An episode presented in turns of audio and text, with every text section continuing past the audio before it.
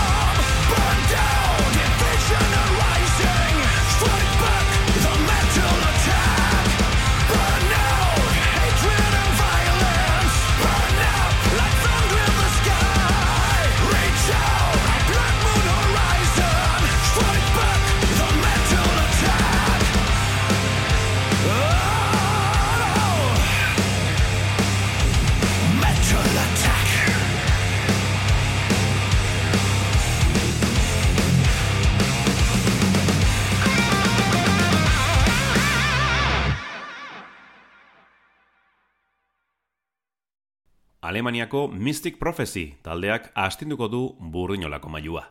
Infernuan goritutakoa da euren heavy power metalaren antzera.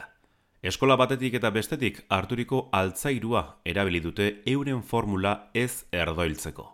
Hell Riot amabigarren diskoa horren adibidea da, eta aproposa atzera begira jartzeko. Metal Attack abesti iradokitzailearekin abiatu dugu programa. Proiektu paraleloa zena lehentasun bihurtu zen. Roberto Dimitri Liapakis abeslariak eta Martin Albrecht bajistak beste norabide bat jorratzea erabaki zuten. Horrela, 2000 garren urtean Mystic Prophecy taldea sortu zuten Bavariako Bad Gronenbach irian. Konstantinos Karamitroudis gitarista greziarra eta Denis Ekdal bateria jotzaile suediarra fitxatu zituzten proiektua egonkortzeko. Karamitroudis ezagunagoa da Gus G izen artistikoari esker. 2000 eta batean argitaratu zuten Vengeance estaineko diskua, landu nahi zuten heavy metal doinuen aurrekari gisa har dezakeguna. Hau duzue Damnation and Darkness.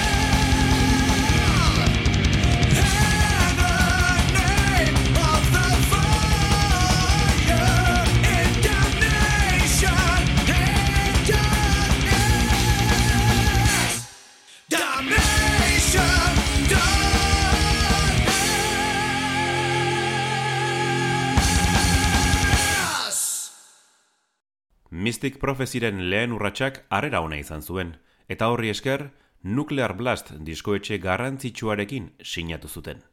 Liapakis eta Albrecht musikarien proiektuak beste dimentsio bat hartu zuen, eta euren lehentasun bihurtzea erabaki zuten. 2000 eta iruko regresus bigarren diskoarekin, nabarmen areagotu zuten oiartzuna atzean zuten zigiluaren baliabideak baliatuta. Hona hemen, Sign of the Cross. you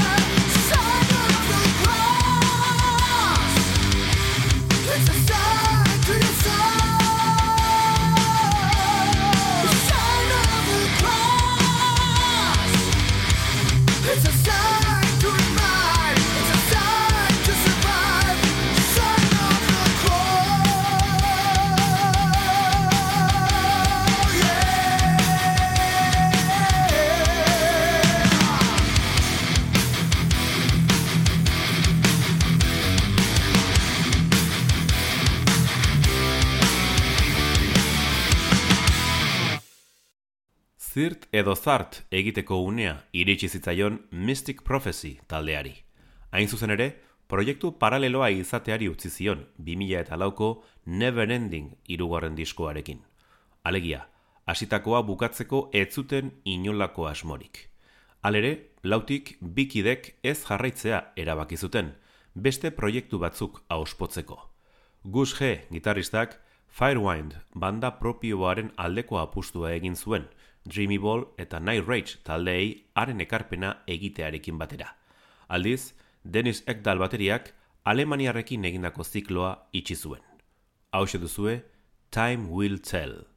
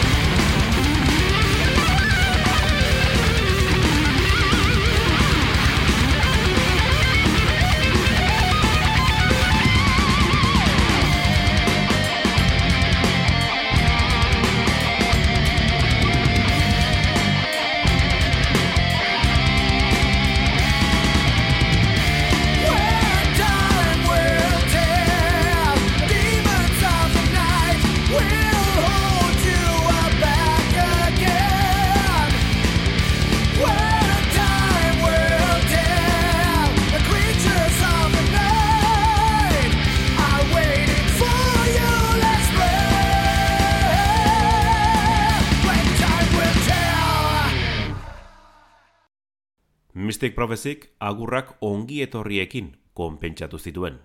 Biren utxunea irurekin bete zuten. Horrela, Marcus Paul eta Martin Grimm gitaristak eta Matthias Straub bateria jotzailea batu zitzaizkien. Boskote moduan kaleratu zuten 2006an Savage Souls laugarren diskoa. Ordurako, liapakis buru zuen bandak kartak mai gainean jarrita zituen proposamen sendo batekin heavy power metal europarraren eta estatu batuarraren arteko nahasketa. Gainera, aro berri baten hasiera izan zen, Massacre Records diskoetxeren altzora pasatuta. Hona hemen, Savage Souls.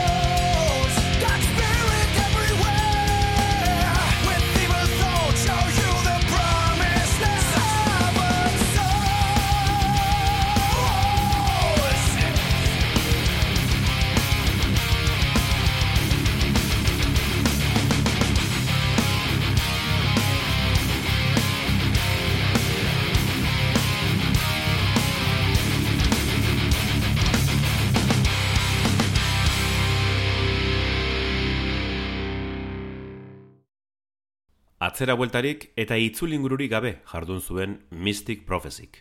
Kontzertu bira egokiak hautatu zituzten heavy metalaren negozioan irauteko.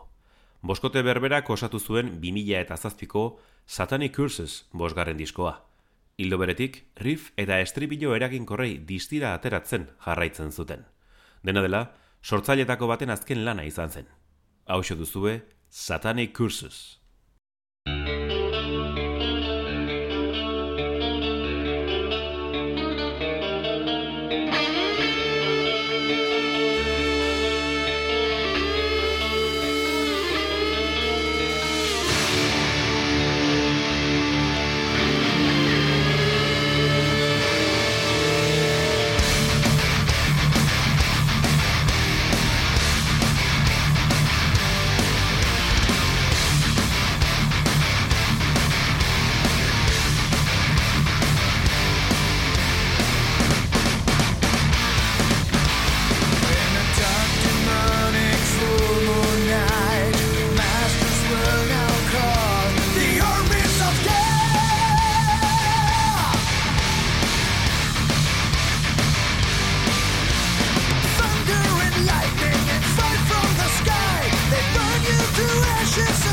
you to love.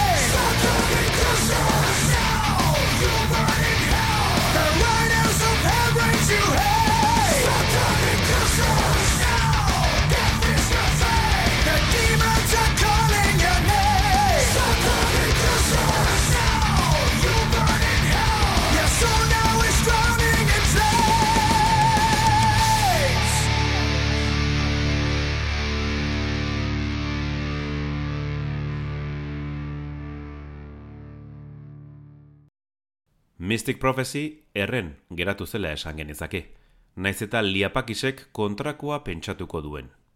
Albrecht lagun eta kideak 2000 eta zortzian utzi zuen taldea, profezia mistikoak atzean usteko asmoarekin. Musika bera ere albo batera utzi zuela, dirudi. Liapakis zen liderra, eta piezak aldatzea eta mugitzea egokitu zitzaion. Izan ere, boskotean nabarmen eraldatu zen.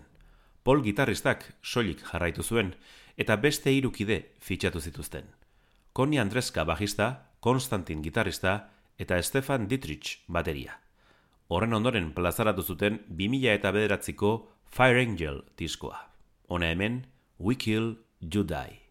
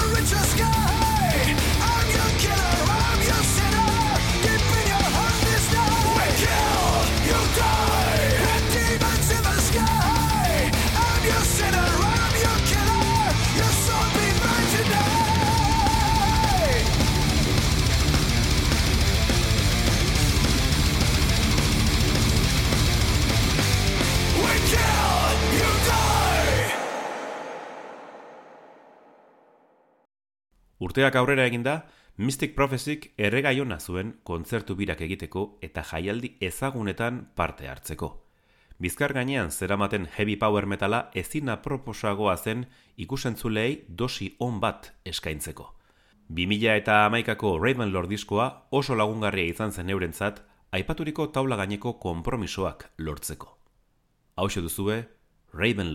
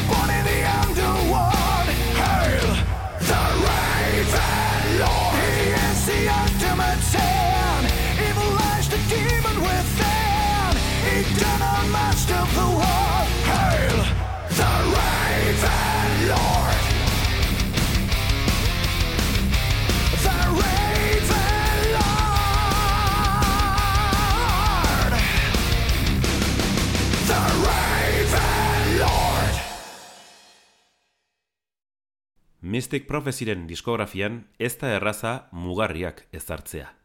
Halere, 2000 eta amairuan argitaratu zuten Killhammer diskoa horietako bat izan daiteke. Baleko kritika jaso bazuen ere, garai oparoa izan zen liapakis buru zuen metal makinaren zat. Masterplan herrialdekideekin egindako kontzertu bira ere oso lagungarria izan zen. Aldiz, taldekideen dantzak iraun zuen, Eta abeslariaren ondotik mugitu bakarra Paul gitarrista izan zen. Hona hemen, Killhammer.